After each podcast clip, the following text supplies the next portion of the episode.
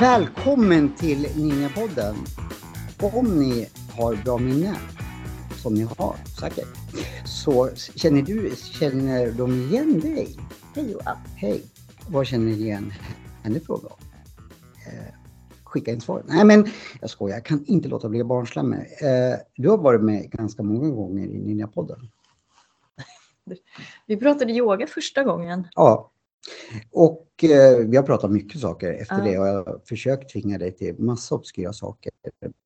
Men eh, det har inte lyckats.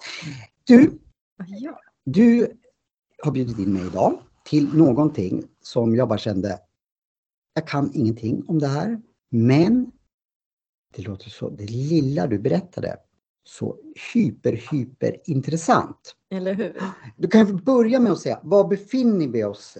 Det står, där är en banderoll, Framnäsgruppen och så. så Mm. Det är ett företag som heter Framnäsgruppen som har tagit in någonting som heter neurofeedback. Och eh, det som är så fantastiskt med just neurofeedback då, tänker jag, är att man har helt plötsligt metoder att hantera psykisk ohälsa Wow! eh, och också olika sätt. Och förutom och prata med en terapeut så Mm. finns det andra sätt att också ta hand om det som händer mentalt. Alltså det låter jätteintressant. Om man skulle Mm. googla på psykisk ohälsa så får man upp en bild på mig kanske. Så, jag ser verkligen fram emot det här. Men, Ja, men jag tror alla Ja. någon gång i livet liksom drabbas. Och du har ju sprungit på en guru som verkligen Exakt. kan det här. Eh, jag tycker vi kallar in henne också. Du får presentera henne. Det är Ulrika Gustafsson. Ulrika Gustafsson, en applåd! Vi låtsas nu att det är jättemånga människor som sitter och tittar på oss och eh, eh, applåderar. Så kommer vi att och, eh, klippa hit lite applåder. Jag skojar. Hej Ulrika! Hej Johan! Jag ska ju säga att ehm, eh, vi känner varandra lite för vi faktiskt tillbringade en hel bilfärd tillsammans ifrån eh, Gävle till Stockholm. Men, eh, och nu är jag ärlig när jag säger det, vi pratade inte så mycket om just ehm, eh, neurofeedback utan vi kom på att vi hade så mycket annat att prata om.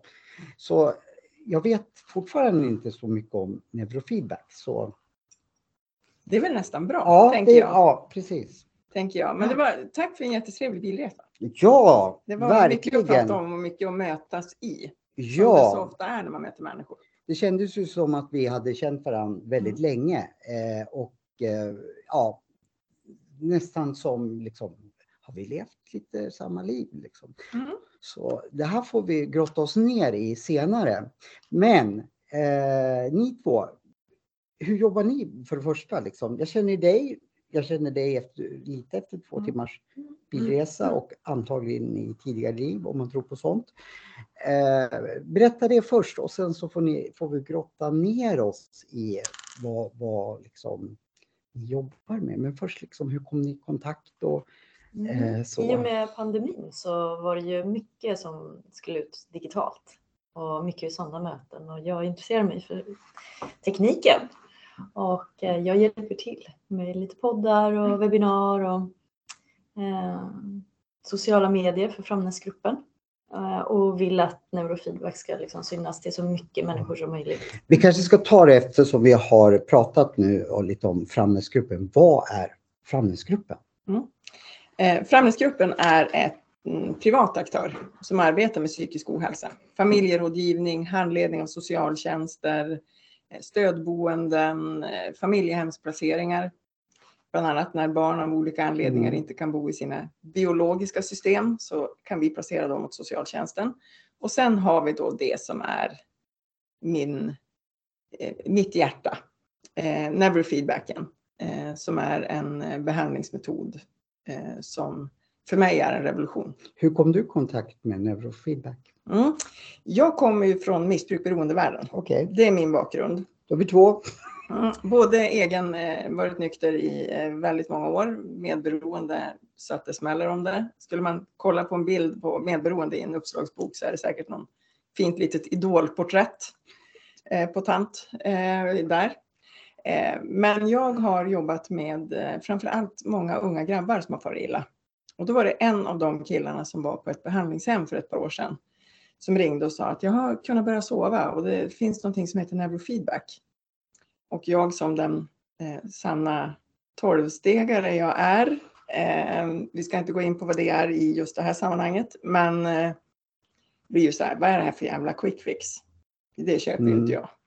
Varpå jag börjar googla eh, och ta kontakt med eh, en kvinna som heter Gunilla Radu som jag idag har eh, förmånen faktiskt att få arbeta med. Hon är den som tar Ottmers metod neurofeedback till Ja, Sverige. Ottmars. Ottmers. Ottmers. Och vad är Ottmers? Det är någon som uppfunnit det här eller? Ja, det Okej. är ett föräldrapar som i början på 80-talet får en son som har eh, multihandikapp som Okej. de försöker hjälpa med andra sätt än de traditionella psykoterapeutiska och medicinska behandlingarna. Och där hittar de då neurofeedback i den dåtidens form. Som de Mm. utvecklar till det som jag har förmånen att få stå och jobba med idag. Mm. Med klienter och även utbilda. Vad Ja, spännande. det, det är oerhört spännande.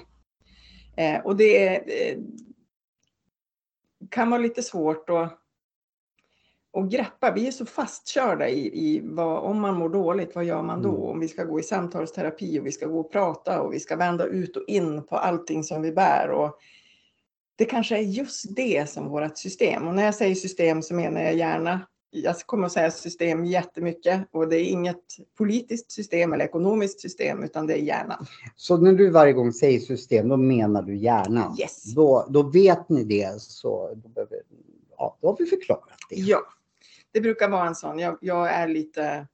Eh, det blir lite så när man tittar på, på eh, människor och vårt system, vår hjärnas Mm. reglering, eh, så blir det att jag pratar om ett, ett system. Det är nästan som att prata om en tredje person.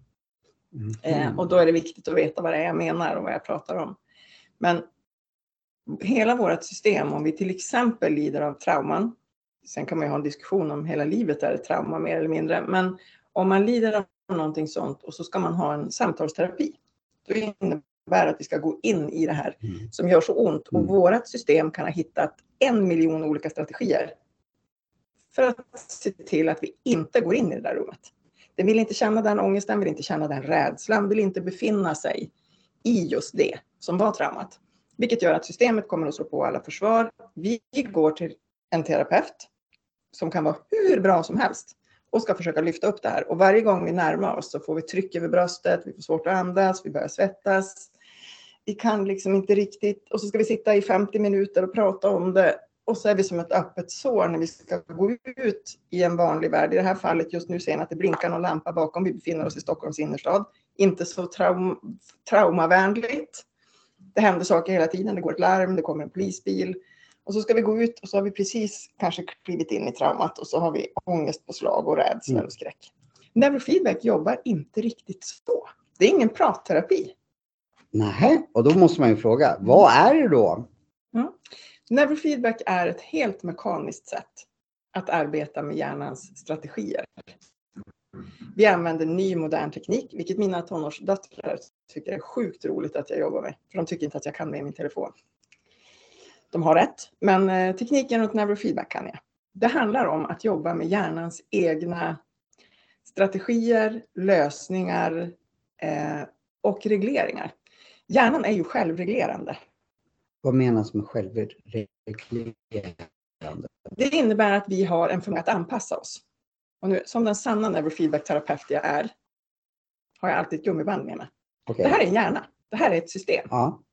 Vi kan säga att det här är mitt system. Mm. När jag föds så är den här superelastisk. Sen utvecklas hjärnan i olika steg. När jag föds så har jag bara mina absolut basfunktioner. Jag kan blinka, jag kan andas, jag kan säga till när jag är hungrig och de sitter längst bak i hjärnan, de här basfunktionerna. Sen utvecklas hjärnan bakifrån och framåt. Mhm. Det sista som utvecklas är frontalloberna och de ska jag prata lite mer Mm. om sen. De är humor. Framförallt om man som jag är tonårsmamma.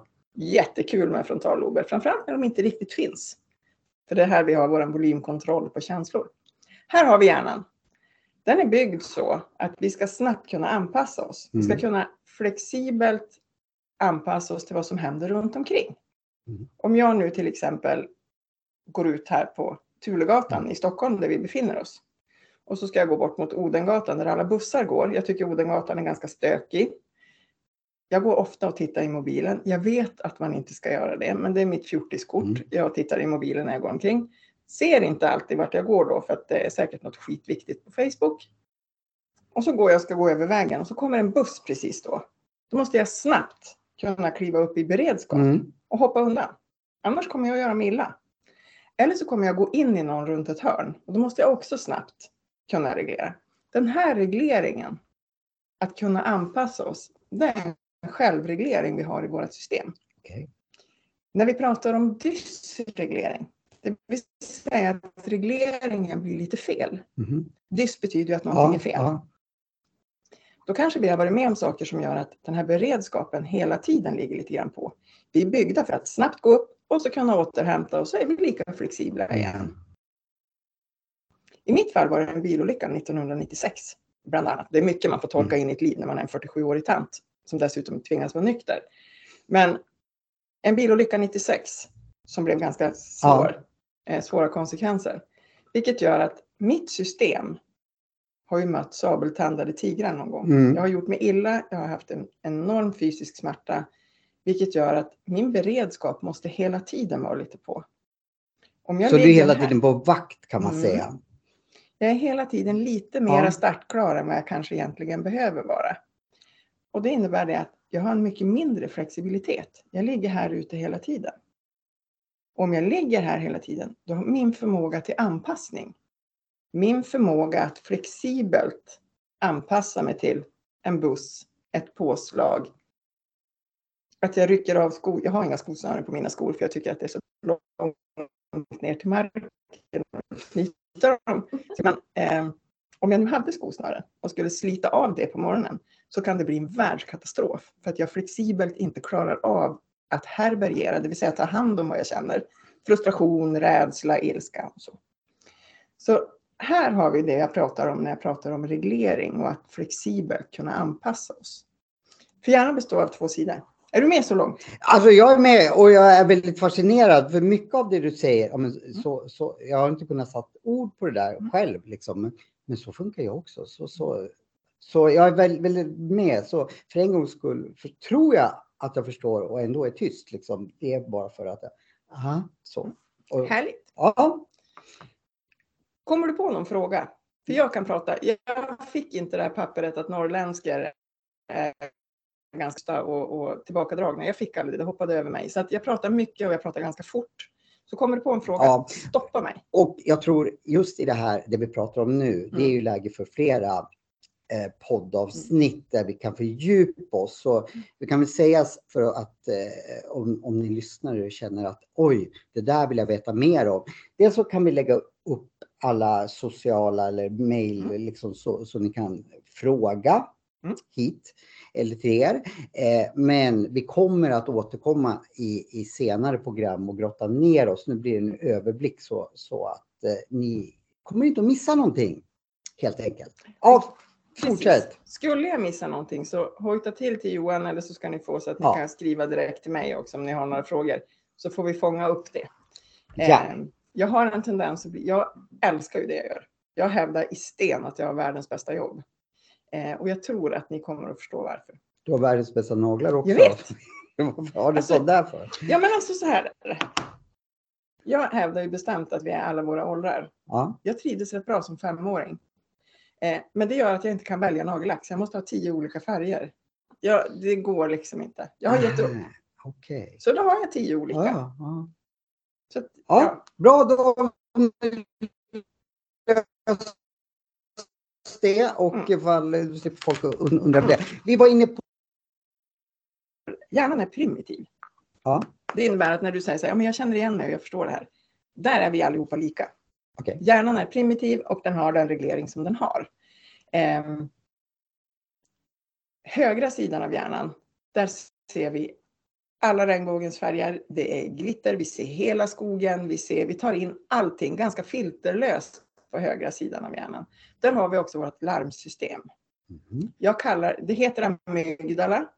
Jag har lagt till titeln fröken amygdala för hon är lite lätt hysterisk. Så det är lite frökenaktig och det är inget kön, det är ett tillstånd. Eh, hon är lite lätt hysterisk och det ska hon vara. Vårt larmsystem är byggt för att vi ska överleva. Mm. Det sitter kvar sedan Mm. sabeltandade tigertiden. Yes, Okej. att du och jag kan sitta här Mm. just idag eh, i oktober. Det är det fortfarande va? Mm. 31 dag va? 31, Ja. sista oktober. Halloween är det idag. Ah. Eh, vissa av oss behöver inte speka ut sig, det är väl bra.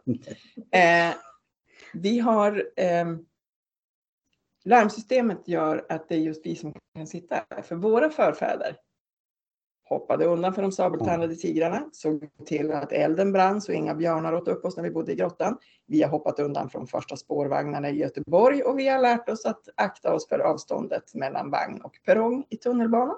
Vi har alltså överlevt. Ja, Vårat larmsystem har larmat när det har Mm. behövts och vi har kunnat flexibelt kliva upp och anpassa oss. de har gjort grovjobbet helt enkelt. Exakt.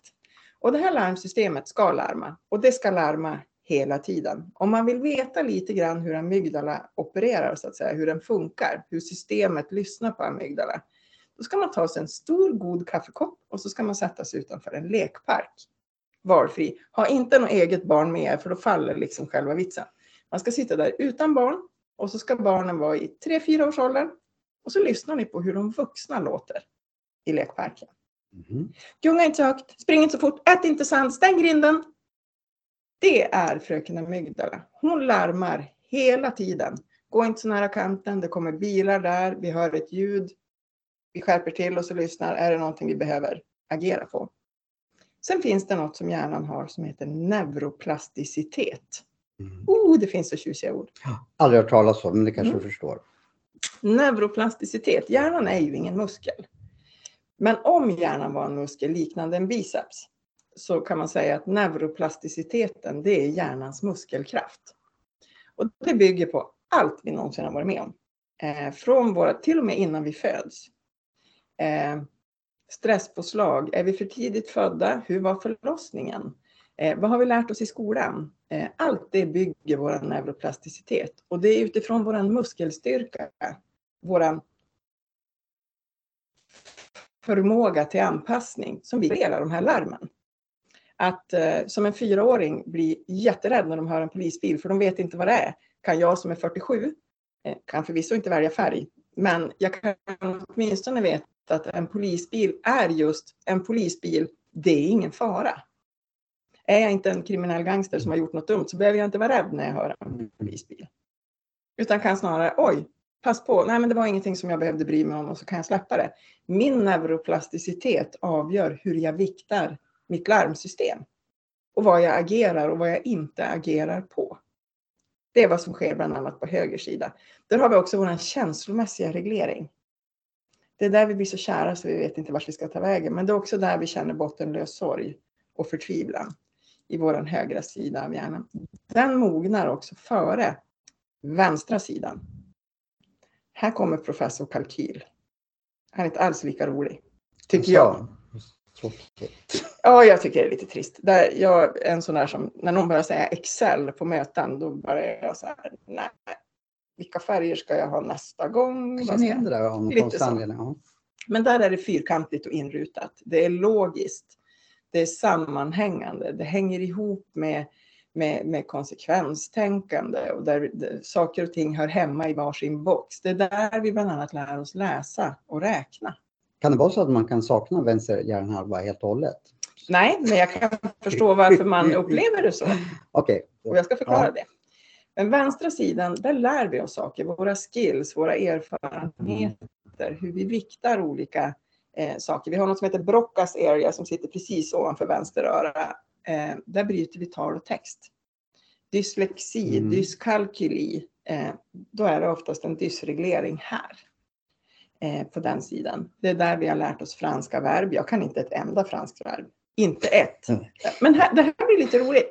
Det, däremot så kan jag durch, für, gegen, ohne, um, styr, var objekt i tyska. Ja, Mm. till och med Men jag har ingen aning om vad ett ackusativ objekt är. Nej, men, Men just det ligger lagrat i min Mm. erfarenhet någonstans.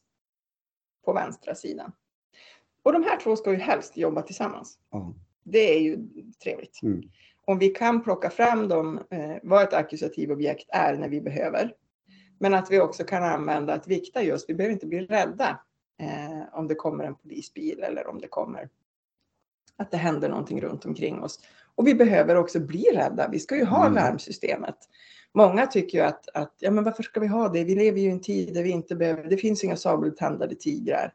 Nej, men vad är en sabeltandad tiger då? För ett system så kan det vara lite olika. Det kanske byts ut då? Mm. Är det så du tänker att eh, idag har vi andra sabeltandade tigrar som som vi bör, eh, vad heter det, Eh, ja, Precis. systemet bör, och nu har vi till och med en kolla som, Och äntligen fångat som idag. Tant Storm törs åka till Stockholm igen för Sörväs är infångad. nej men det har jag missat. Ja, ja, då, Han hade ett helt A4 fastklistrat på magen. Undrar vad han hade hämtat för dokument som han ja. ville ha med sig in Ah, breaking news, det visste inte jag. Okej, ja men då har det vi en sabeltandad tiger mindre då och var rädd för. Ja. Men det här förändras ju också i livet. Vad är en sabeltandad tiger?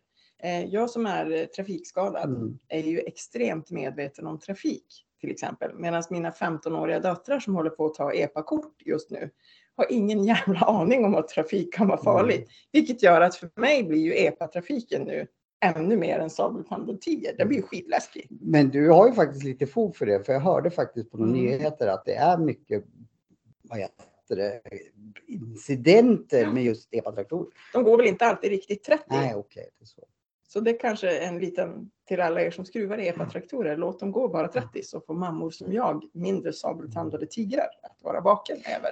Jag har bara en fråga, jag måste Mm. ta den innan jag glömmer bort den. I vissa delar av eh, mitt liv, eh, Mm. antagligen så har väl inte jag kanske varit då i mitt bästa skick. Även fast jag aldrig haft något eh, otalt med polisen någon gång. Mm. Eh, vad jag vet i alla fall. Så kan jag just med, med, med den här syrenen, Mm. att det är mig de kommer att hämta. Eller jag har gjort någonting, vad har jag gjort? Mm.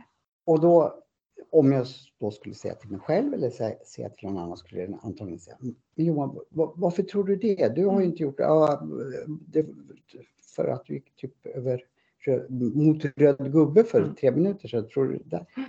Vad spökar till i min hjärna, vänstra då, då eftersom, ja, jag, Högra larmet går. ja, Och så skulle jag då eh, tro, och vi ska titta Mm. på det lite grann sen, exakt Ja. ditt systems reglering och hur det är flexibelt. Det ska du, du ska få lite läxa av mig ja sen. vad spännande. Jag älskar Nej, Då får jag känna mig lite ja. som lärarinna, det är jätteroligt.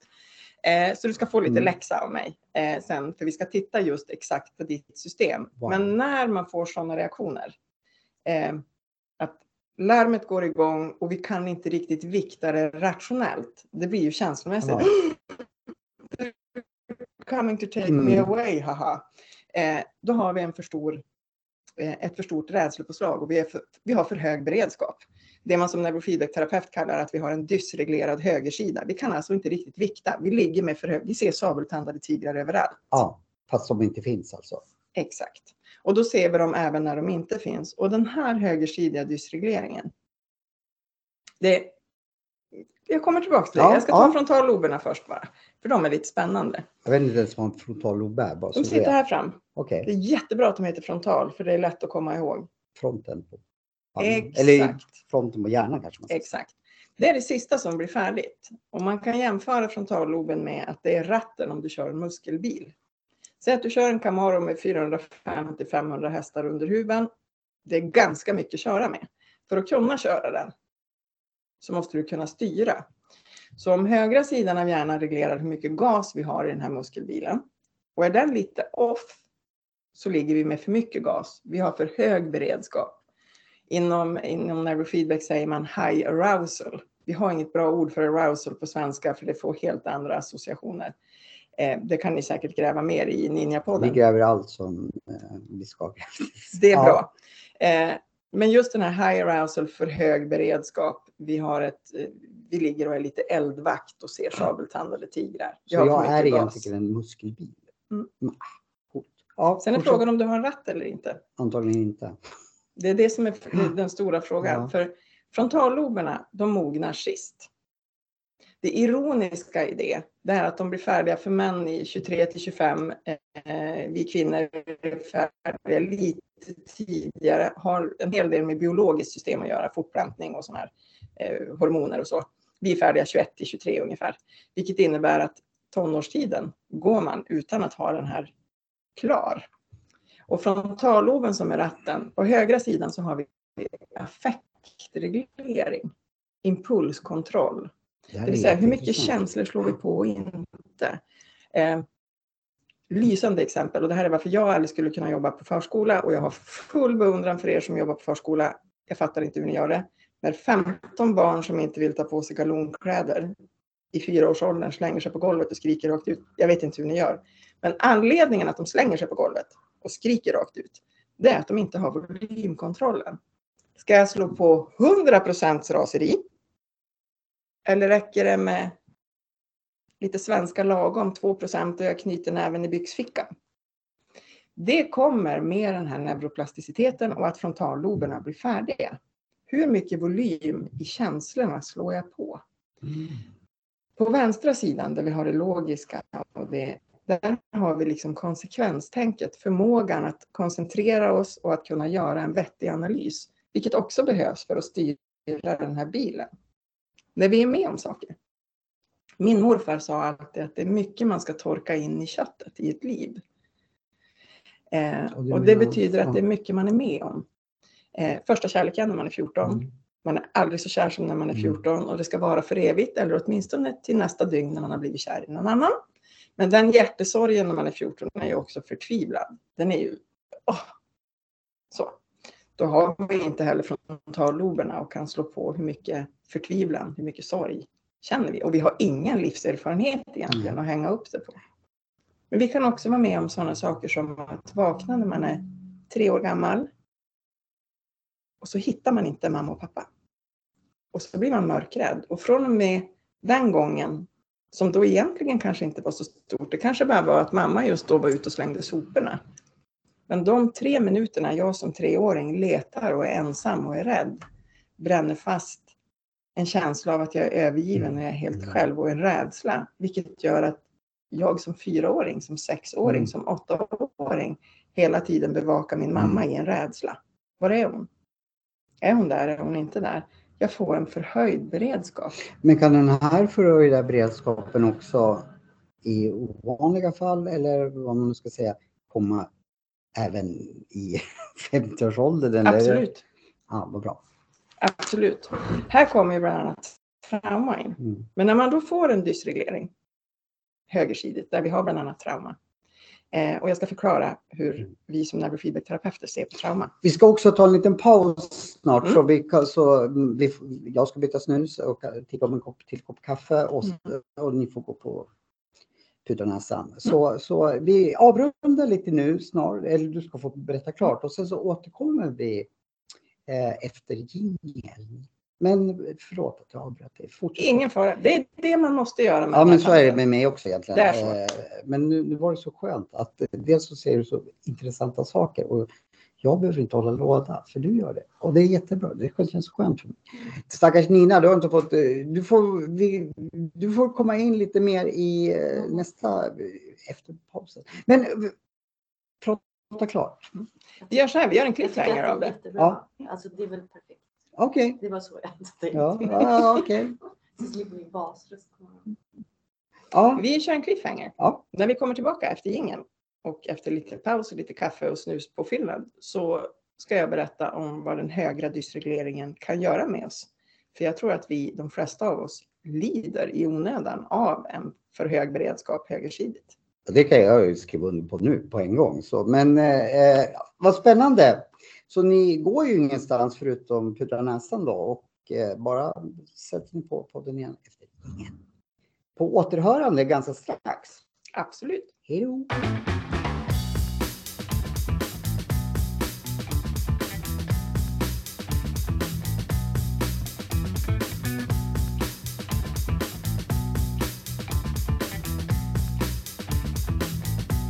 Då var Ninja-podden tillbaka. Eh, Johan Seffer kanske inte jag sa att jag hette, men eh, jag heter ju alltid det. Så hon, Ulrika. Du har lovat oss att eh, eh, du gav en cliffhanger här innan pausen. Det gjorde jag. Ja. Högersidig dysreglering, Mm. onödigt lidande. Mm. Tänk vad många av oss som går omkring och gör en massa saker och har för oss en massa saker som vi kanske egentligen inte behöver. För att vi har den här högersidiga dysregleringen. Det vill säga, vi har mött sabeltandade tigrar någon gång och det har bränt fast. Sen är det så att man kan antingen födas med en eh, för hög beredskap och får då... Jag är etikettallergiker, jag måste säga det också. Eh, det betyder inte att jag inte tror att etiketter och diagnoser finns. Men det betyder att etiketterna och diagnoserna ur mitt perspektiv som neurofeedbackterapeut är mindre viktiga. Mhm, Spännande. Eh, därför att de är asbra på att förklara ett systems förhållningssätt. Men det säger ingenting om vilken exakt strategi den hjärnan har, har valt. Typexempel på etiketter när man har en högersidig dysreglering är ADHD, ADD. Nu säger man inte det längre utan man säger, allting ja. är ADHD. Men Ja. jag blir rörig i skallen. Eh, Jag med. Jag har ju själv blivit di- dis... Vad heter det? diagnostiserad. Bra! Med ADD och det, jag fick det väldigt sent i mitt Mm. liv. Eh, och eh, det är två olika strategier för hjärnan där. Eh, PTSD, Mm. trauma. Nu höll jag på att bränna tungan utav men, men det gör ingenting. Nu skulle verkligen min höga ha larmat, men gjorde inte det. Det gjorde det nog, men Ja. din erfarenhet gör att ah, kaffet var varmt, jag ställer ner koppen. Förlåt, eh, fortsätt. Ingen fara. Eh, typiska etiketter eller diagnoser när man har högersidig dysreglering. Det är ADHD. Och det är typ 1 och typ 2, det vill säga både den extroverta utåtriktade, man välter ett bord och blir förbannad eller ger någon på käften. Eller det vi tidigare kallade ADD som fryser fast lite mer, det är svårt att komma igång med saker. Man smälter lite grann in i väggen, man är det. Ofta blir man kallad väldigt, väldigt snäll och väldigt duktig i skolan tills man helt enkelt inte orkar mer. Vi brukar komma vid årskurs 6 till 8 ungefär som ADD brukar bli tydligt. Medan ADHD syns när man kastar sand i sandlådan. Nu uttrycker jag mig väldigt förenklat. Jag är mycket väl medveten om att det är mer komplext än så här. Men det är typiska högersidiga dysregleringar. Trauma. Trauma som bränner fast, PTSD. Eller komplex PTSD där vi till och med får det somatiskt. Vi har det i kroppen. Eh, våra trauma sätter sig i att vi, vi får eh, värkproblematik. Vi har eh, eh, arm, händerna funkar inte som de ska. Vi har ingen känsel. Vi blir kalla och varma i händerna. Så konstigt. Vi har nackar som är väldigt, väldigt stela. Minsta stresspåslag. Ja, nu har jag nackspärr igen. Nu blev det väderomslag. Och sådär. Alltså, bara så att jag förstår. Alltså, Mm. då kan det här, det är egentligen någonting, en känslomässig, men reaktionen kan bli en fysisk. Mm. Det är så? Okej. Eh, och där kommer vi också in på det, det som händer vänstersidigt. Det kallas paraoxysmala reaktioner. Jag ska ta dem separat för de är lite bökiga. Framförallt är de svåra att säga flera gånger efter varandra snabbt. Det är säkert någon jätte ordvrickare som har kommit på att det heter paroxysmala reaktioner. Eh, högersidig dysreglering är det vi oftast lider av generell ångest. Vi går omkring, oavsett om det är ångest, eh, och jag vet, jag ska säga det också, jag vet att jag låter som att allting är så förbannat enkelt och att det blir lite popcornversionen av det. Eh, jag tror att när man ska förstå saker och processer så måste vi göra det lite lättare att ta till oss och lättare att förstå. Eh, vi skulle kunna prata det här utifrån vetenskapliga neuroner i hjärnan som går ihop i explosioner och vad det här händer. Vi skulle kunna göra det så, men det skulle inte ge oss någonting, tror jag. Utan jag tror att vi måste prata utifrån vad vi faktiskt lever i. Eh, högersidig dysreglering, det är den här motorn som hela tiden ligger och gnager, som rör sig. När vi vaknar på morgonen och, Mm. och, och vi kan inte riktigt sätta ord på, på vad det är, men vi är hela tiden lite stressade. Vi jagar någonting hela tiden. Eh, det är lite föraktfullt brukar jag säga. Det är allt ifrån generell innerstadsångest. Mm. Ja, jag hämtar ju inte mina barn förrän klockan fyra, men jag vet att grannarna hämtar klockan två. De måste tycka att jag är en dålig förälder. Den typen av ångest, men också den, den ångesten som faktiskt gör att vi, vi får svårt att andas. Vi, vi, vi har varit med om saker som brinner fast sådant så att vi, vi får strategier i vårt system som gör att, att, att vi hindras att leva. Eh, jag brukar ta exemplet om, om den röda bilen. Eh, om någon av er någon gång har lyssnat när jag har hållit en av föreläsningarna så kommer ni att känna igen den röda bilen. Den är ganska bra. Eh, vi säger att du har en hund Johan. Du älskar den här hunden jättemycket. Och så ska du åka på semester. Du ska åka till någon grekisk ö, dricka paraplydrinkar, ligga i solen i två veckor. Jag älskar också hundar och din hund. Mm. Så jag ska vara hundvakt till dig. Jag hämtar hunden. Eh, det går alldeles utmärkt. Du åker iväg på din paradisö och har det fantastiskt. Och så ska jag och hunden gå ut. När vi kommer ut här på Tulegatan så går kopplet sönder. Selen brister, hunden springer rakt ut över vägen och just då kommer en röd bil i alldeles för hög hastighet. Men det är lite vanligt i innerstan att man kör för fort. Eh, den röda bilen kommer. Jag hinner inte se om hunden skadas eller inte. Hela mitt försvar går upp. Amygdala larmar. Hunden är lös. Det kommer en bil. Jag får svårt att andas. Jag börjar titta. Hjärtat rusar i kroppen på mig. Nu är det så att jag älskar hundar på riktigt, så att inga hundar skadas ens i mina fantasier. Bilen passerar, hunden har sett en kompis på andra sidan gatan, den har sprungit över dit. Hunden är safe, mm. det är lugnt. Men rädsla på slaget har jag fått. Mm. Jag kopplar hunden, förmodligen då är jag lite förbannad. Jag fattar väl att du inte kan springa ut i gatan och vad ska jag säga till Johan? Mm. Sådär. Mm. Så ringer du. Hej, hur är det? Jag tänkte bara höra, hur är det med min mm. älskling? Och när jag ska berätta, då får jag samma påslag. Jag får lite svårt att andas, hjärtat börjar rusa i kroppen, jag blir väldigt, väldigt varm, jag blir svettig i händerna.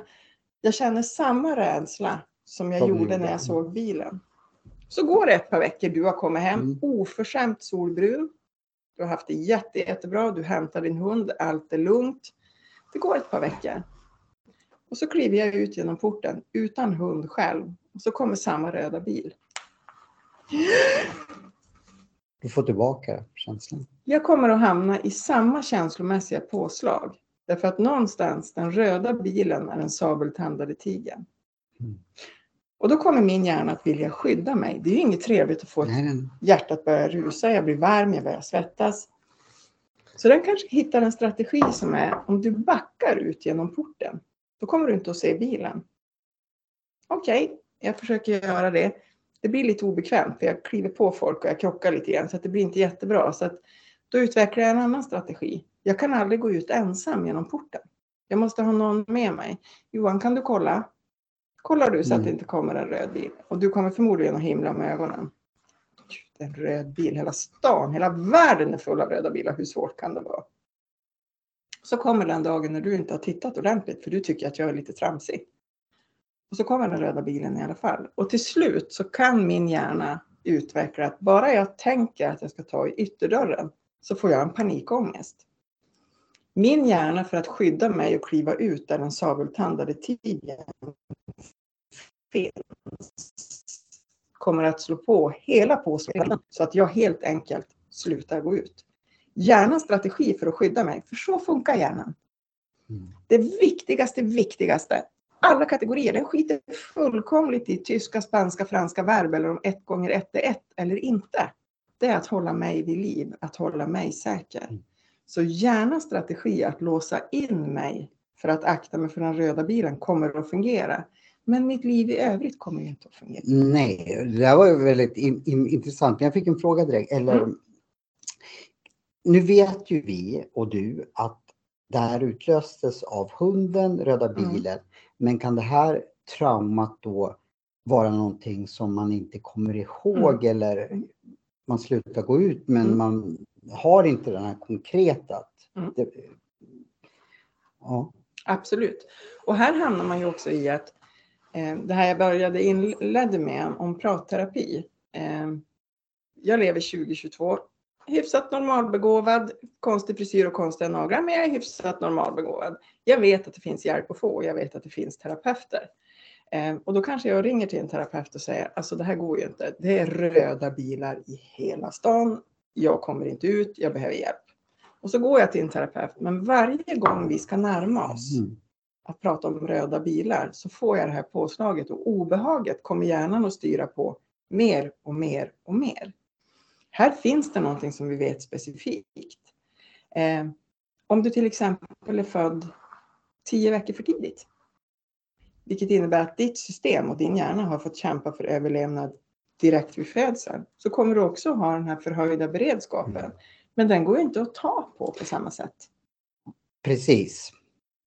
Det kan man Utan inte. då är det ja. den här dysregleringen, att vi, vi får en massa olika Mm. strategier. Vi kanske får tvång för oss. Här kommer vi in på vad den vänstra sidan av hjärnan gör, de paraoxysmala reaktionerna. Det högersidiga, det är larmsystemet, den för höga beredskapen. Vi ligger hela tiden och är eldvakt. Mm. Typiskt, eh, väldigt, väldigt vanligt eh, som man eh, ofta kan ta på. Vi sover ju som katter i västvärlden. Vi, är Mm. vi har ja. säkert överallt, men vi har ju en dysreglering som gör att vi sover som skit. Mm. Eh, typisk högersidig dysreglering, det är att vi kan vara hur trötta som helst. Vi sitter och tittar på sedan nyheterna, nickar till, men så fort vi nuddar kudden, klarvaken. Mm. De stora existentiella frågorna. Ja. Vart slutar rymden? Varför är mjölken alltid slut hemma hos mig fast jag bär hem flera liter? De här stora frågorna som man har svårt att få svar på. Och jag ligger vaken. Min hjärna ligger eldvakt. För om jag somnar, vem ska se till att de sabeltandade tigrarna inte kommer då? Typisk för just den här för höga beredskapen. När vi har gått över i, för professor Kalkyl gör ju också någonting. Och om vi har den här jättehöga beredskapen på högra sidan hela tiden, som ligger med stress, ångest, oro. Eh, det behöver inte ha hänt en röd bil. Vi kan ha legat hela tiden med lite för mycket stress. Vi försöker komma ikapp och så tänker vi hela tiden, ja men nästa vecka blir lugnare. Det är den största lögnen, vuxenlögnen ever, förutom vuxenmyten, att bara jag blir vuxen får jag bestämma själv. Det enda man får bestämma det är vad man ska äta till middag. Varje dag resten av sitt liv. Vilken bluff. Men vi ligger hela tiden och matar. Hela tiden och är liksom med lite ångest, oro och stress. Och det skapar också den här för höga beredskapen. Så en liten grej om man inte tar tag i det här. Mm. Det kan alltså leda till, ja men det vi pratade tidigare om, att ja men nu kan inte, nu har det lätt så, nu kan inte jag gå ut. Mm. Okej.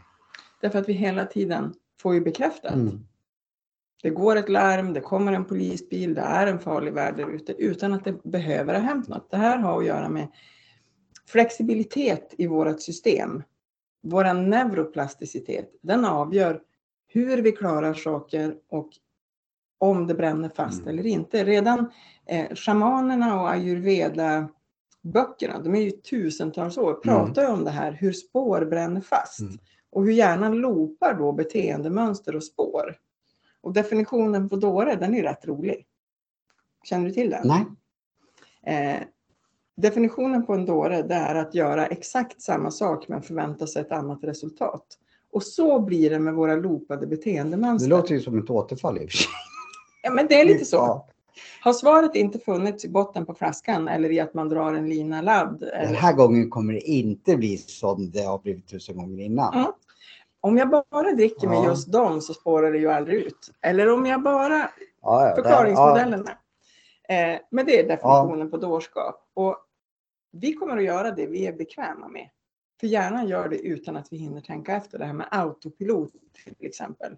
Om en 16-årig kille måste gå 10 minuter till, till eh, bussen för att åka till skolan. Men om man försover sig 5 minuter då får han skjuts hela vägen.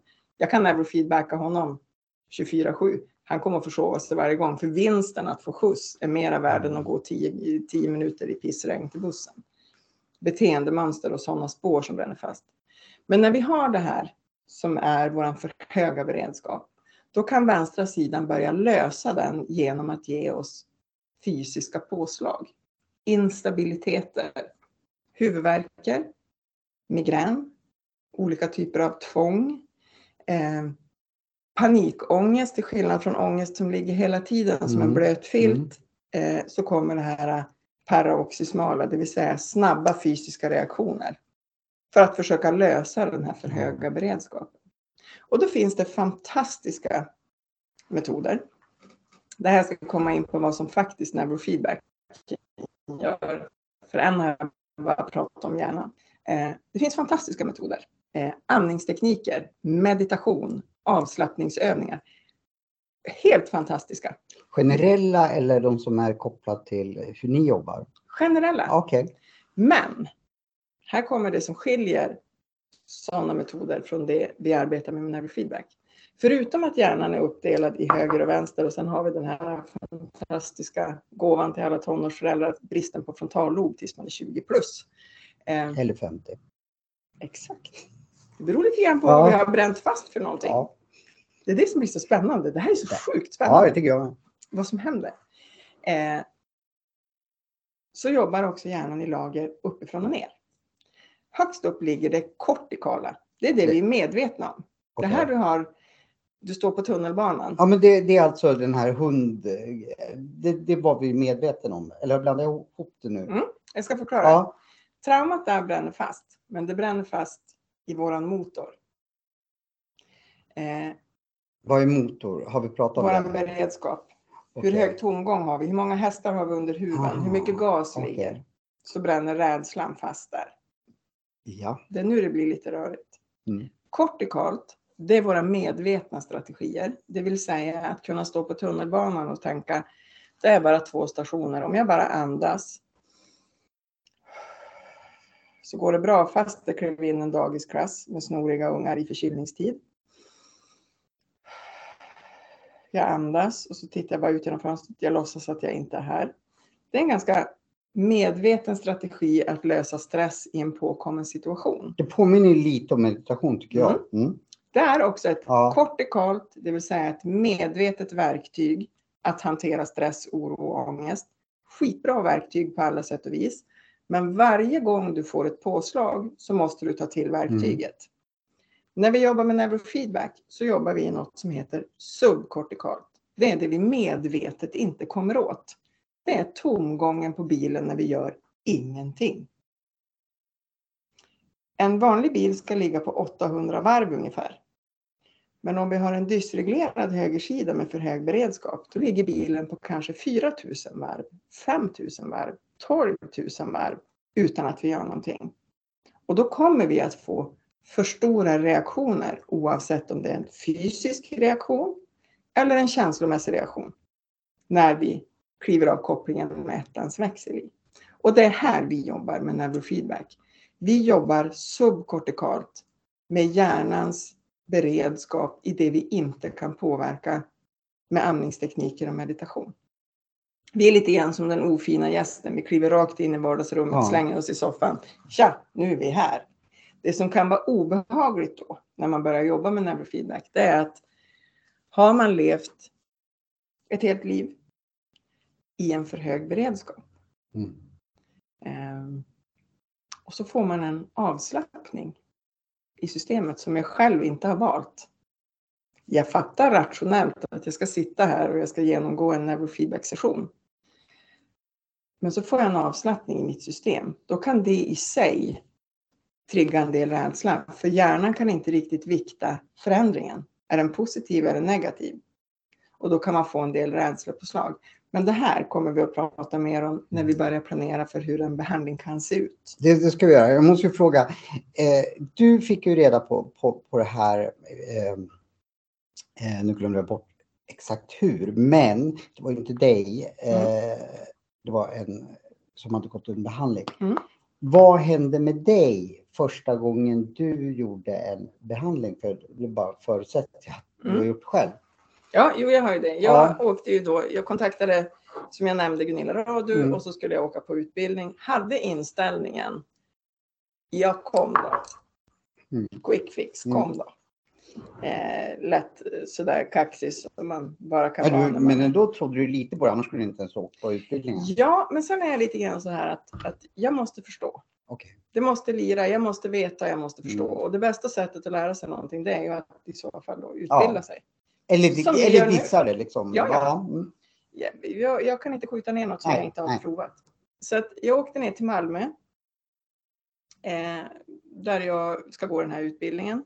Vi är 18 stycken deltagare. Alla ställer sig, jag sitter näst sist och presenterar mig och eh, känner mig ganska duktigt som en katt bland hermelinerna. De ställer sig docent i barnpsykiatri. Får bara fråga hur länge sedan var det här ungefär? Det här är två och ett halvt år sedan. Jaha, det är ganska nyligen. Ganska alltså. nyligen. Okej. Det har funnits i Sverige i 13 år. Okej. Eh, och jag har i dagsläget ja, jag hade räknat ut exakt för några veckor sedan, nästan 3200 sessioner i händerna som jag har jobbat med klienter. Så att jag, jag eh, gör väldigt sällan någonting lagom. Eh, och eftersom det här är för mig, eh, Astrid Lindgren sa en gång, när man vet bättre måste man göra bättre. Och när jag vet det här och kan det här så måste jag göra det. Det, mm. det, det finns inget annat sätt. Vi lider så fruktansvärt i onödan idag av ångestproblematik, av stress, av oro, av rädslor, av saker som har bränt fast som vi faktiskt kan göra någonting åt. Men jag är själv, som jag nämnde, eh, min sabeltandade tiger hände 96, 25 maj på Strandvägen. Det ska ju vara lite fint. Och du valde den finaste gatan? Självklart. Skulle aldrig krocka på någon annan gata. Bli påkörd bakifrån och gå sönder fullkomligt. Har varit... Eh, Både själsligt och kroppsligt? Ja, alltså. alla ja, operationer. All, all. Nio ryggoperationer har jag totalt Oj. hackat i mig. Jag hänger mer eller mindre på en stålställning i mitt bäcken hela vägen. Eh, om det här var, var, lite mer åt det socialt eh, porriga hållet så skulle vi titta på röntgenbilder. Det behöver vi inte göra. Men jag, eh, de säger till mig ofta att jag inte ska kunna gå. Och jag är lite som humlan. Jag tänkte att ja, den kan inte flyga heller och jag kan inte gå så jag gör det ändå. Eh, men jag har haft en enorm smärtproblematik. Jag, har, jag är då bedömd som eh, att jag har kronisk ischias så jag har ingen känsel i vänster knä och ner. Så vänster fot har varit borta i många år. Gick i många års sjukgymnastik och arbetsterapi för att lära mig känna med knät istället för att kunna jobba med kroppsminne och för att kunna gå ändå utan att halta allt för mycket och sådär.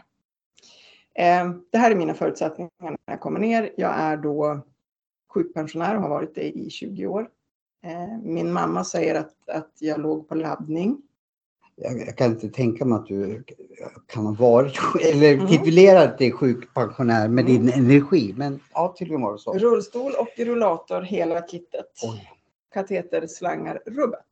Eh, och eh, kommer ner på den här utbildningen. Alla presenterar sig med supertjusiga titlar. Mm. Eh, när det är min tur att presentera mig så jag tror att jag fick ur med någonting typ, vill ni veta något om knark så fråga mig eftersom jag har jobbat med, med missbrukberoende i olika former. Eh, och sen ska vi då träna på varann.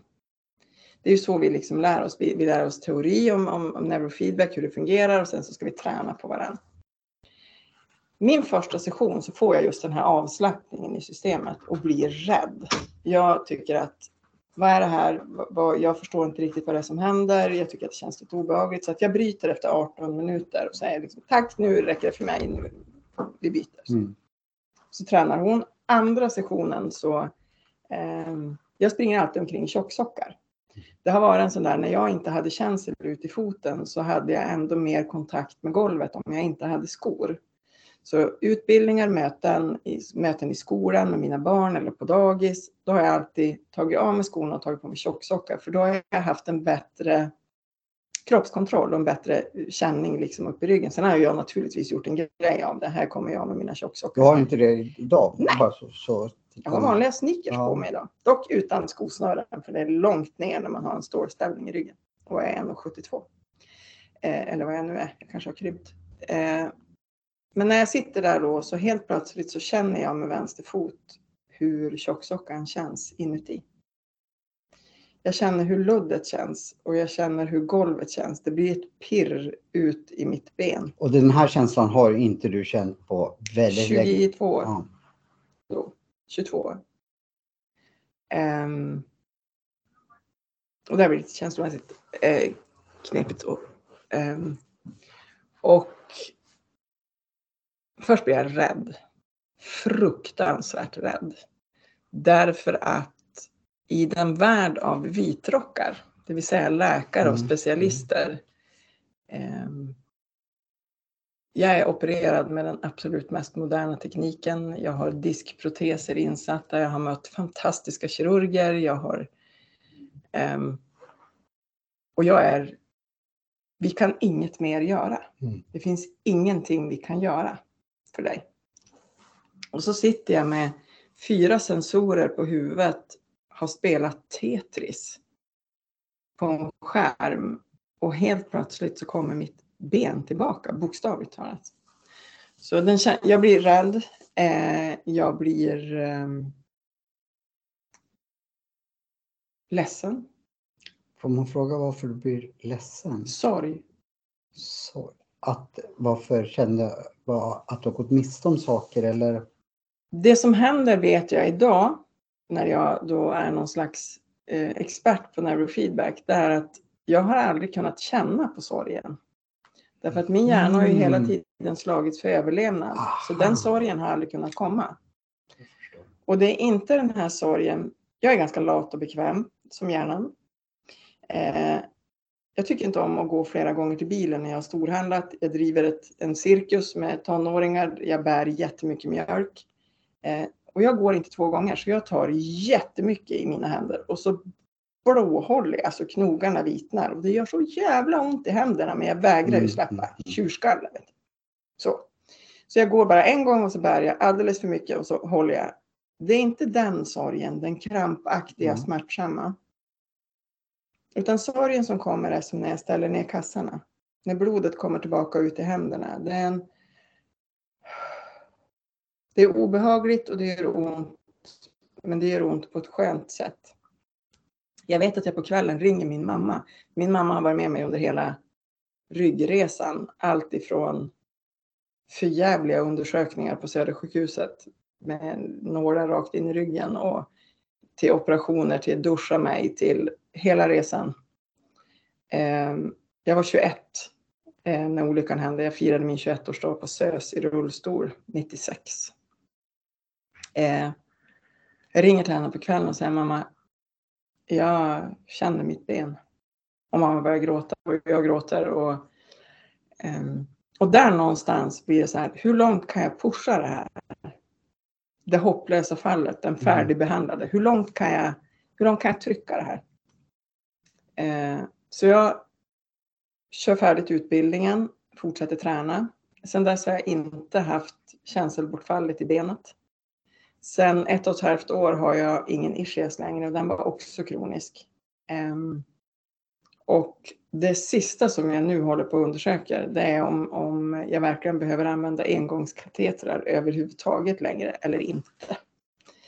Ehm, äter ingen, ingen smärtstillande medicin idag. Eh, ja, Alvedon äter jag eh, och Ipren. Eh, och något som heter Paraflex som inte innehåller opiater. Mm. Men det här är kvinnan som hade 54 tabletter per dygn. Det är helt fantastiskt. Mm. Men vad säger då de här människorna som du var hos på behandling, ja men på SÖS och så. Du kanske inte har pratat med dem men har de någon förklaring till eh, dina framsteg? Eller i vissa fall kan man ju Mm. säga att eh, när man har provat andra saker än vad de Mm. förespråkar, ja men det är eh, ja, nu kommer jag inte ihåg eh, namnet på vad de oftast kallar det när man tar ett typ ett sockerpiller och tror att eh, man blir frisk. Ja men Ja. liksom, Ja, vad fan heter det? Nu försvann det för ja, mig vad, vad heter det? Så här blir det när det blir känslomässigt. Det som händer är att mitt dopamin stannar på högra sidan av hjärnan så jag kommer inte åt mitt ordförråd på vänster. Ifall du undrar. Placebo! Placebo. Vår, väninna Nina här, hon räddar oss alltid. Eh, pla- ja, vad säger de?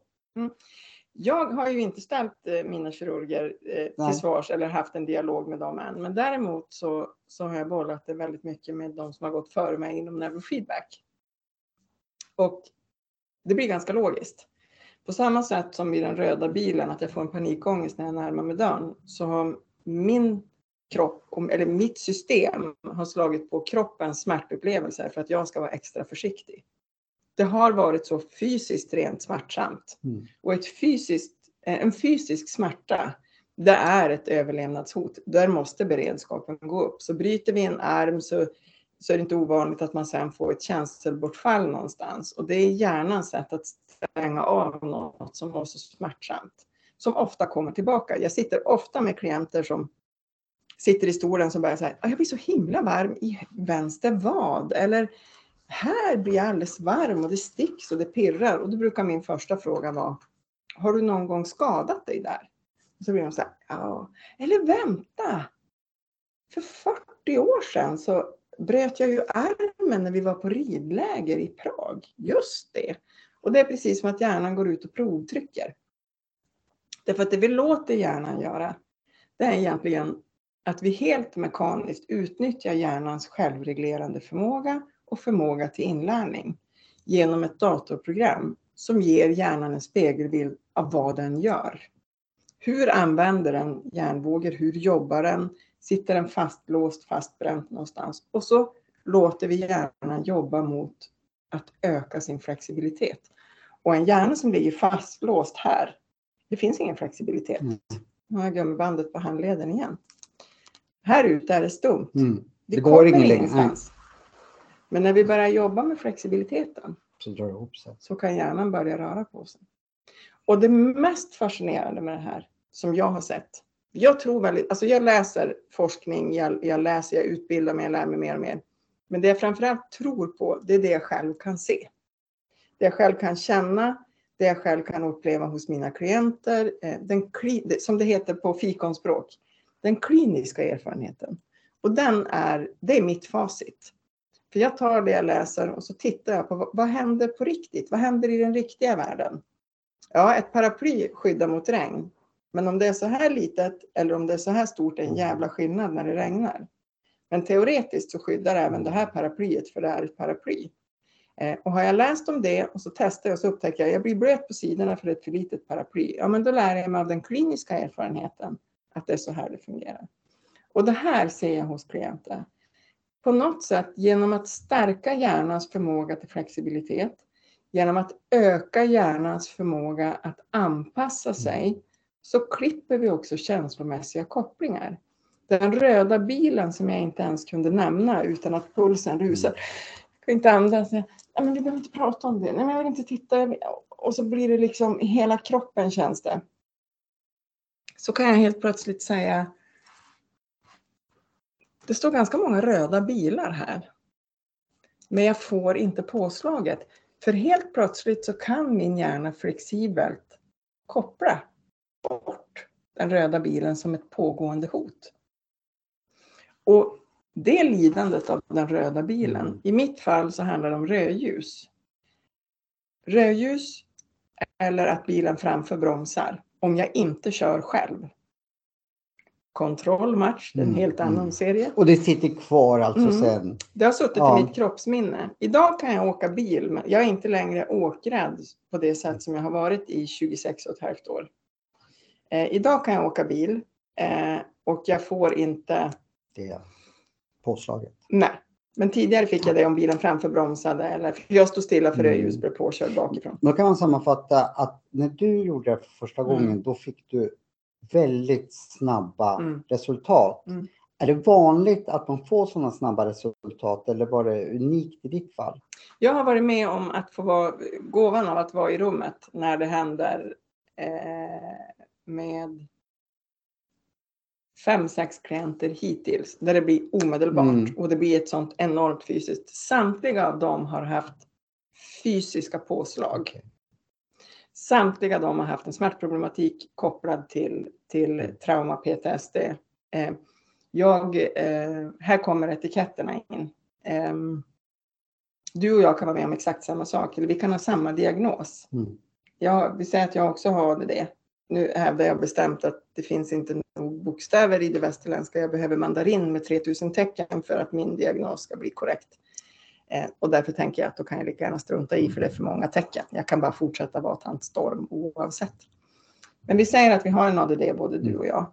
Eh, en hjärna som hamnar i för hög beredskap och går in i ett överlevnadsläge har inte så jäkla mycket att välja på. Kom ihåg att hjärnan är primitiv.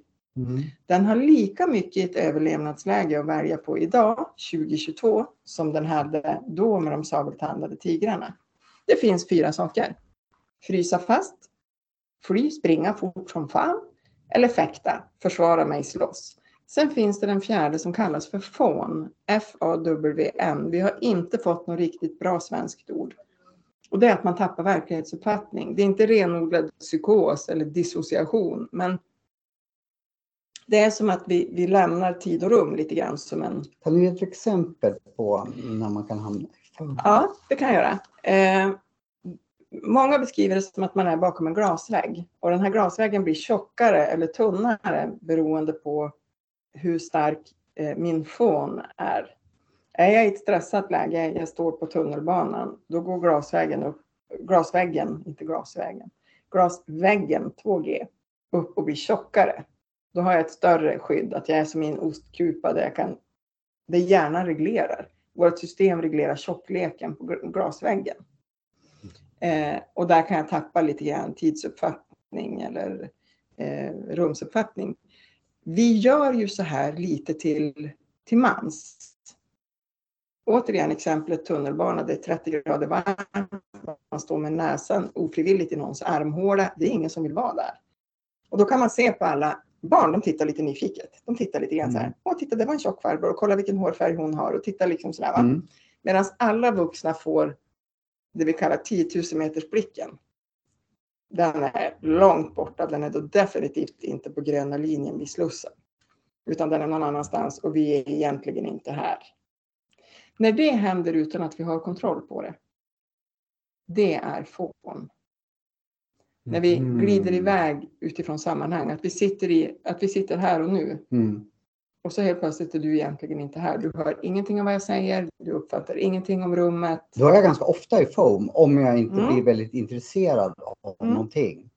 Eh, och det kan dels vara en aktiv medveten strategi. Jag har jag överlevt inte. många tråkiga möten på helt, i en helt annan värld än vad ni tror att jag är i. Eh, men det är en av de här strategierna. Och de har man, den har man börjat prata om. Så jag är inte riktigt säker på att alla vitråkare är överens om att den finns. Mm. Eh, men vi kan ha samma diagnos, du och jag. ADD Mm. säger vi att vi har. Mm. Vi tänker fortsätta kalla det för det. Ni får, tycka, ni får skicka in en Jag tycker det är skönt, för, för det, jag kan inte så mycket om det här sagt som du, men eftersom både du och jag vet att ADD och ADHD skiljer sig väldigt mycket om man har det liksom, Mm. Så blir det absurt att liksom säga att jag då är, har ADHD när Mm. jag inte liksom har det egentligen. Jag har ju väldigt svårt, om jag inte brinner för saker, eh, att ta tag i saker. Och, Mm. eh, eller, ja, så. så jag tycker det är skönt om vi kan säga, säga så. Ja. Mm. Sen kan jag ju då vända på det i alla fall och säga att ADHD och ADD medicineras på samma sätt. Det gör det. Hjärnan är det exakt samma sak som händer. Men det är just strategin som skiljer sig. Det här blir så intressant. Ja. Din ADHD och ADD Mm. kan vara att du blir extremt handlingskraftig eller Ja. agerar. När du var yngre så kanske du blev arg och att du fick ett utbrott Ja. och agerade utåt. Idag när du har en större neuroplasticitet, det vill säga du har en större förmåga till anpassning och har någonstans ett par vuxna ögon så blir det istället för att du ger någon på käften så anordnar du en demonstration eller du skriver åtminstone en namninsamling. Du gör någonting. Ja, Du fast, kanske agerar. fast jag tror ju, för det här tycker jag är ett handikapp för mig, att ibland agerar jag Mm. precis som jag gjorde tonårs-Johan. Liksom, vill egentligen slå någon på käften. Mm. Eh, Det är därför jag håller på med MMA kanske. Men, men liksom att det där sitter ju kvar Mm. och jag får hela tiden, ja men Johan, så där gör man inte nu. Det vi också vet idag det är att om vi har en dysreglerad högersida från start Mm. eller från ett tidigt barndomstrauma till exempel. Det brutna benet eller armen i slalombacken Mm. kan vi ta vid sex års ålder. Eller en blindtarmsoperation när man var fyra eller att man inte hittar mamma. Eller det här vi har pratat om som kan hända när man är liten. Har vi en högersidig dysreglering från start eh, så utvecklas inte heller riktigt. Vi får inte en lika stor och tydlig ratt. Frontalloben Aha. blir inte riktigt lika utvecklad. Eh, när man jobbar inom missbruksberoende så benämner man det ofta som vuxna barn. Vi Mm, fastnar mm. i, en, i en tonårings eller ett barns verktyg därför att vi där och då är med om någonting som, som blir en sån sabeltandad tiger. Har man blivit mörkrädd vid sex års ålder så är min mör- mörkerrädsla idag vid 47 Mm. är ju inte annorlunda. Det är ju samma jävla monster under min säng. Och då måste jag ju fråga, eft- eft- eftersom jag har varit på behandlingshem och hört hundra delningar. Hej, ja, ja som man då presenterar sig. heter Ulrika Ja, jag är beroende. ja, precis. Men just det här vuxna barn. Och Mm. jag har faktiskt aldrig liksom tagit reda på vad exakt, det- har kanske inte så mycket med det här att göra, men nu när jag får chansen att Mm. fråga, vad fasen är ett vuxet barn? Jag förstår att det kanske har någonting med medberoende, för de är of- oftast inte alkat själv eller narkoman eller så, utan Mm. de, ja, helt fan ett vuxet barn. Kan du förklara det? Eh, in a nutshell. Eh, Eller tar det lång tid så lämnar nej, vi det till nej, ett men det eget avsnitt. faktiskt också med, det, det här kan man direkt översätta också till hjärnans strategier och reglering. Och, ehm, sen så vad det gäller beroende och eh, terminologin, eh, jag, som jag sa i början, jag är tolvstegare och ehm, Ja, det är jag. Mm. väldigt eh, stolt över det. Eh, även om jag eh, börjar väl bli mer och mer kritisk ju mer jag lär mig om hjärnan utifrån att behöver vi verkligen lida? Behöver vi, är det meningen att vi ska lida i onödan och bära Ja, går ju ut på att, att man nästan ska lida och Eh, har, känna... det här har man samma när man pratar med, med, med psykoterapeuter, att ett visst lidande har sin plats. Ja, men tänk om vi kan få läka trauman, till exempel PTSD, eh, med mindre lidande. Det kan ju aldrig vara skadligt så. Nu fick jag en jättebra idé som vi, vi... Alltså mina idéer är, är, är inte jämt bra. Men den här tror jag är jättebra. Du och jag måste i ett egna poddavsnitt prata specifikt om missbruk kontra, kontra det här. Mm, det ska vi absolut göra. Men Lovar det. jag, jag, jag tar hand på slicka det. på en lyktstolpe i 20 graders kyla. Ja, det har jag ju då gjort. Så jag kommer ju ihåg att det inte är så smart. Så att jag, jag spelar hellre in podd om missbruk och beroende. Bra. Men vuxet Ja. barn. Eh, när vi är med om någonting som är så om vi växer upp i en dysfunktionell miljö som är traumatiserad och vi ständigt går omkring med för hög beredskap och är rädda eller om vi är med om ett, ett, ett enskilt trauma eller vad det än må vara som sker när vi är barn så fryser vi lite grann fast. Det här, är- jag vet att du har pratat med en shaman. De har eh, samma eh, eh, slutsats, eh, eh, samma med ayurveda, eh, de gamla böckerna, att det här det bränner fast spår. Det innebär att om någonting händer mig när jag är sex år eller när jag är tio år så kommer jag att ha, när jag får det känslomässiga påslaget så kommer jag bara att ha tillgång till de verktyg jag hade när det brände fast. Det vill säga min mörkerrädsla. Jag var nio år när jag blev mörkrädd. Min pappa är polis, min stora hjälte. De skildes. Ingen ovänskap, aldrig bråkat. Vi har firat alla jular ihop hur harmoniskt som helst. Behöver någon ge ut en bok om hur man skiljer sig som vänner? Ring mamma och pappa. Klockrent harmoniskt. Alltså ingenting Ja. verkligen. Men bara att pappa hade flyttat skapade min mörkerrädsla. Och när jag är rädd och ensam och är i mörkret vid 47 idag så är jag den nioåriga där den stora tryggheten hade flyttat. Mörkret, därför att jag har bränt fast Mm. där. Och vuxet barn är egentligen, vi är vuxna, vi har vuxna ansvar, vi har vuxna anseenden, vi är vuxna, men vi har ett barns verktyg att möta olika utmaningar. Och det gör att eh, jag gör en stor grej av att jag är evigt fem år och Mm, stampar med mm. foten. Och det gör jag. Jag har stampat med foten så jag bröt ett ben i foten. Det är inte så begåvat kanske, men jag är ett vuxet barn. Men just det här att använda ett barns verktyg på ett vuxet problem. Då, vi kommer ju inte att få annat än frustration, ångest och rädsla. Och så får vi inte den känslomässiga mognad och den känslomässiga utvecklingen. Och det pratar man mycket om inom missbrukberoende Mm. att vi fastnar, om vi börjar punda vid 12 så har vi den känslomässiga mognaden som vi stannar i vid 12. Men, men vad var det som gjorde att både du och jag då, jag känner ju också igen mig då i ett vuxet barn nu när jag Mm. vet lite mer vad det är. Men vad jag förstod på ett vuxet barn så tar inte de till nå, någon, eh, i mitt fall alkohol då och be, bedövar det utan eh, eh, men det kanske finns vuxna barn som dricker också. Ja. Men jag fick, fick den känslan av att de inte tog till medan vi då tog, tog till någonting som vi bedövade känslan. Men det kanske inte är så. Vi ska inte fastna Vi i ska det. inte fastna i det nu, men, men, men det som är intressant är att neurofeedbackbehandling av den här typen av problematik eh, också får resultat på att hjälpa till med bearbetningsfasen av, av, av att komma ikapp och att hjärnan får eh, att hitta den regleringen. För det vi ska komma ihåg när vi jobbar med neurofeedback, det handlar inte om någonting annat än att få balans och en bättre reglering i systemet. Eh, eh, har man en eh, svår anknytningsproblematik så att man har en extrem kontroll, att man aldrig släpper på en känsla till exempel, så kanske det är mer känsla att man börjar gränssätta, man börjar säga ifrån att fan jag blir arg när du gör sådär och man har aldrig sagt det. Till skillnad från när en som hela tiden är i så här, wow, känslorna är på utsidan, att kanske bli lite mer tillbaka dragen att få lite bättre volymkontroll sänkt. För det handlar om balans och reglering eh, i systemet. Det handlar om att hitta det. Och, och det vi då gör är eh, att låta hjärnan jobba mot sin egen spegelbild med neurofeedback. Det är lite som att eh, i Örnsköldsvik där jag bor finns det en klädbutik som har ett om man är lite, har lite kroppsnojor, jag är kvinna född 1975, jag växte upp med veckor i Wien, jag är som en vandrande kroppsnoja. Eh, de har ett, ett, ett sånt omklädningsprovrum med speglar i alla vinklar. Mm. Så att man kan stå mitt i och så ser man sig i varenda. Mm. Skitobehagligt! Ja, verkligen. Alltså så jävla läskigt. Men det är som att ställa sig i det. Det är det vi låter hjärnan göra. Vi sätter hjärnan i mitten med alla speglar runt och så säger vi, jaha, du behöver sänka axlarna lite grann. Du behöver rätta till tröjan för du har ett väck där.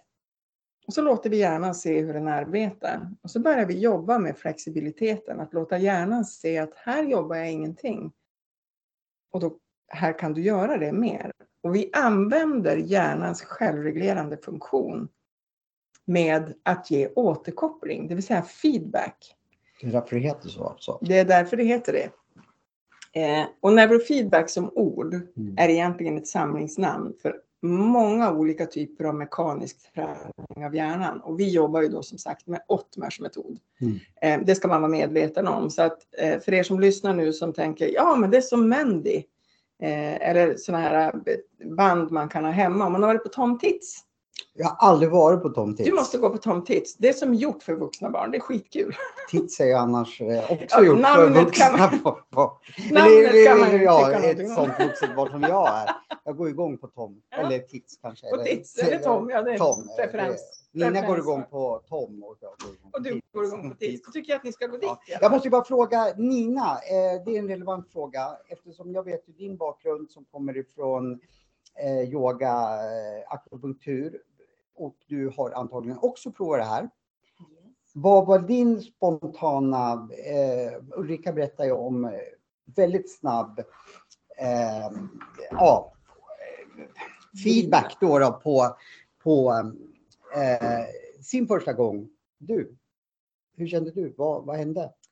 Eh, jag gillar ju att spela spel och alltså, hela den här grejen att inte behöva gå igenom hela sin bakgrund mm, via mm, samtal. Mm. Även om jag eh, själv pratar med folk och så. Men allting passar inte alla. Nej. Så att det här är ju en jättebra liksom, metod att prova också. Mm. Och jag gillar det här att kunna sitta och spela Tetris eller köra en rymdfarkost. Ja. Eh, en halvtimme eller, eller mer, det som behövs då enligt terapeuten som man träffar. Eh, supersmidigt mm. och enkelt. Men det var ingen så här, aha, jag känner känslan i foten grejen för dig, utan det var lite mer mm. sakta. Det beror ju på vad man vill, ja. vad, man, vad man har liksom efter den här animesen. Alla frågor man har svarat på också, så kommer de fram till vad man behöver göra. Så att nu har ju inte jag fysisk smärta i kroppen, Nej. så att eh, jag har haft andra saker ja. som jag har då. Men de, de sakerna, de känner du att du har ett annat grepp om nu eller vet vad du ska ta tag i eller ja, du, du har fått en klarare bild av dina eh, issues som du, eller? Ja, det tycker jag. Ja, Absolut. Ja, det är ingen idé att fråga dig för du är så. Annars skulle vi inte ha sammanfört varandra.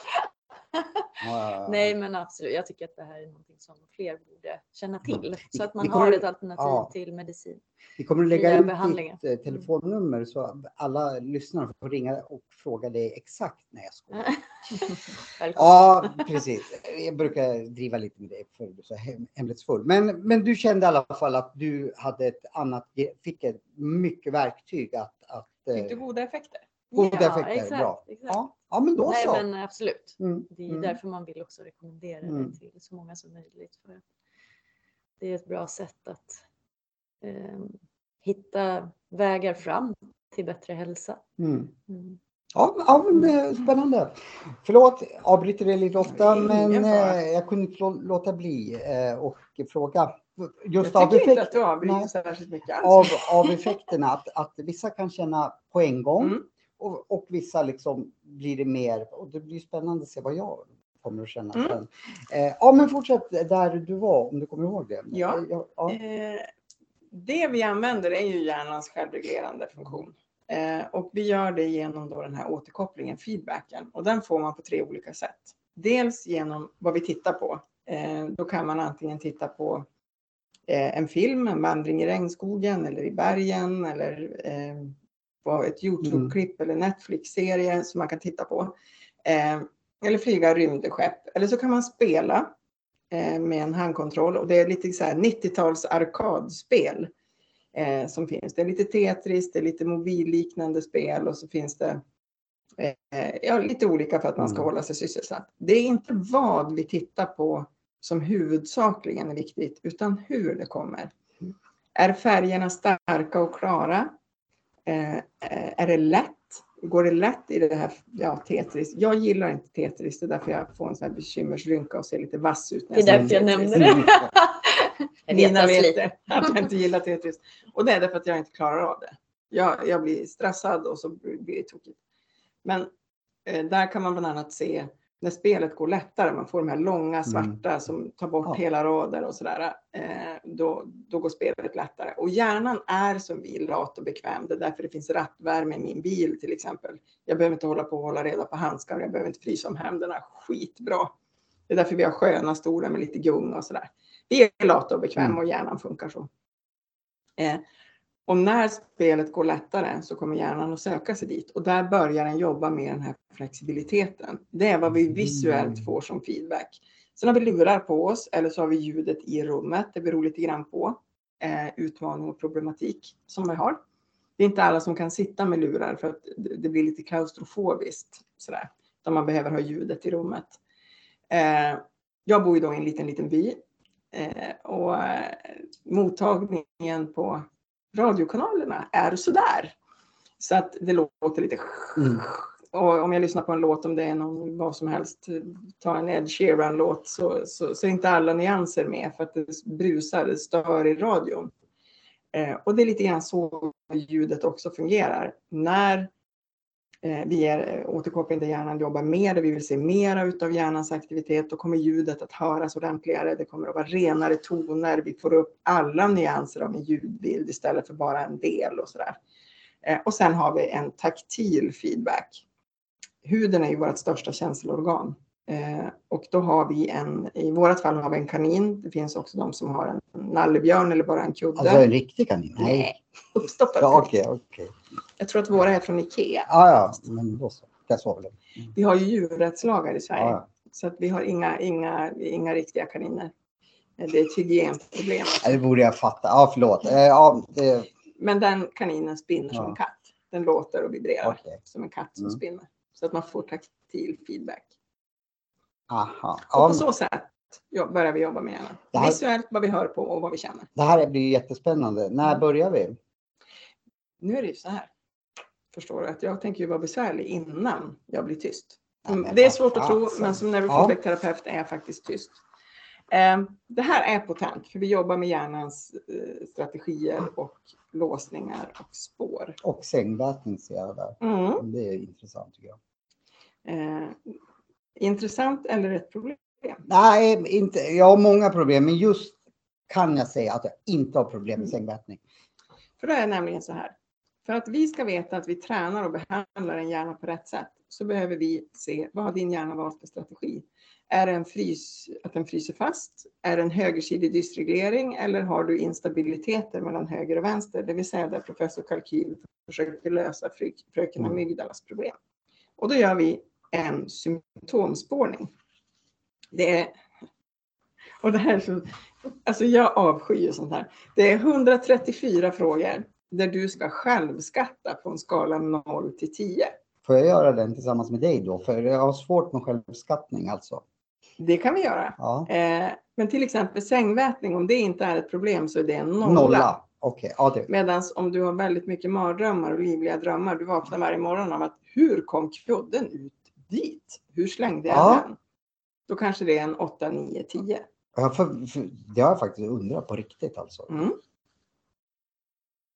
Tänk att som av en händelse så kunde neurofeedbackterapeuten nästan gissa det utifrån din hjärnas Jag tror att det, det är en nödvändighet att vi gör den tillsammans. Mm. För, ja. Men den viktar, det är 134 frågor om allt ifrån smärta i kroppen till fysiska påslag, känslor. Har jag tvångsmässig oro eller eh, är ångesten som en blöt filt eller kommer den snabbt? Blir jag lätt irriterad? Tycker jag att hela världen består av idioter? Eh, hur klarar jag ljud och ljus? Har jag en överkänslighet? Har jag smärtor någonstans kopplat till att jag hör eh, starka ljud? Eller har jag, hur är det med minnet? Klarar jag att skruva ihop en IKEA-möbel eller börjar jag på steg sex och sen måste jag backa och så riva allting och så slutar det med att jag ringer en vän? Eh, det finns inte ringa en vän med som Nej. att vikta. Men de frågorna ligger till grund för att jag som neurofeedbackterapeut ska kunna göra en analys av vilka Ah. strategier har din hjärna valt. Och utifrån den så presenterar jag en behandlingsplan. Och den här måste alla som sitter i stolen hos mig eller någon av mina Mm. terapeuter göra. Vi behandlar ingen utan att Mm. ha kartlagt hjärnans strategier. Så det här är din läxa Johan. Jag tänkte ju, jag vill, ja, inte kanske i podden för det blir tråkigt, men den här vill jag göra på en gång. Då kan vi göra det. Ja, men, Men jag tror inte att ni vill titta på nej, absolut inte. Men ska vi tacka för idag då? Och sen så återkommer vi ganska snart med, med svaret på eh, massa, ja, dels på när jag har gjort den där Mm. och, och så. Vad säger du om det Nina? Mm. Härligt, det var ju det här jag ville. Nu ska du få prova på. Ja, ja nej, men jag, be- jag känner ju på en gång att normalt sett skulle jag, ja men jag tar med det där och så gör jag det och så. så. Men det här, nu brinner, nu är jag ju liksom uppvarvad. Så det här vill jag eh, dra igång med på en gång. Mm. Ja, men tack för att ni lyssnade. Eh, som jag sa så kommer vi lägga ut eh, alla era uppgifter och så om ni känner att eh, det här är jag nyfiken på och vill veta mer. Ehm, dels så hörde jag just nu medan vi poddade bara att just ikväll, nu, nu är det svårt med tid då eftersom vi Mm. inte vet exakt. Men på tisdagar, säger jag rätt nu? Nej, ikväll. Ikväll, det är måndag. I måndag där. Måndagar så har du någonting som kommer att fortsätta eh, Mm. längre fram också. För ikväll hör ju inte de antagligen den här podden. Men eh, vad gör du då? Webb? Webbinar. Mm. Det kommer vi också lägga ut. Mm. Så, så allting. Och sen så är du ute på föreläsningar. Mm. Så vi lägger ut allt om var man kan lyssna på dig och ehm, hitta dig och så. Och är man en grupp som man känner sådär att vi har en bokklubb Ja. eller vi, har, vi vill veta mer så hör av er så ser vi vad vi kan Ja. styra till.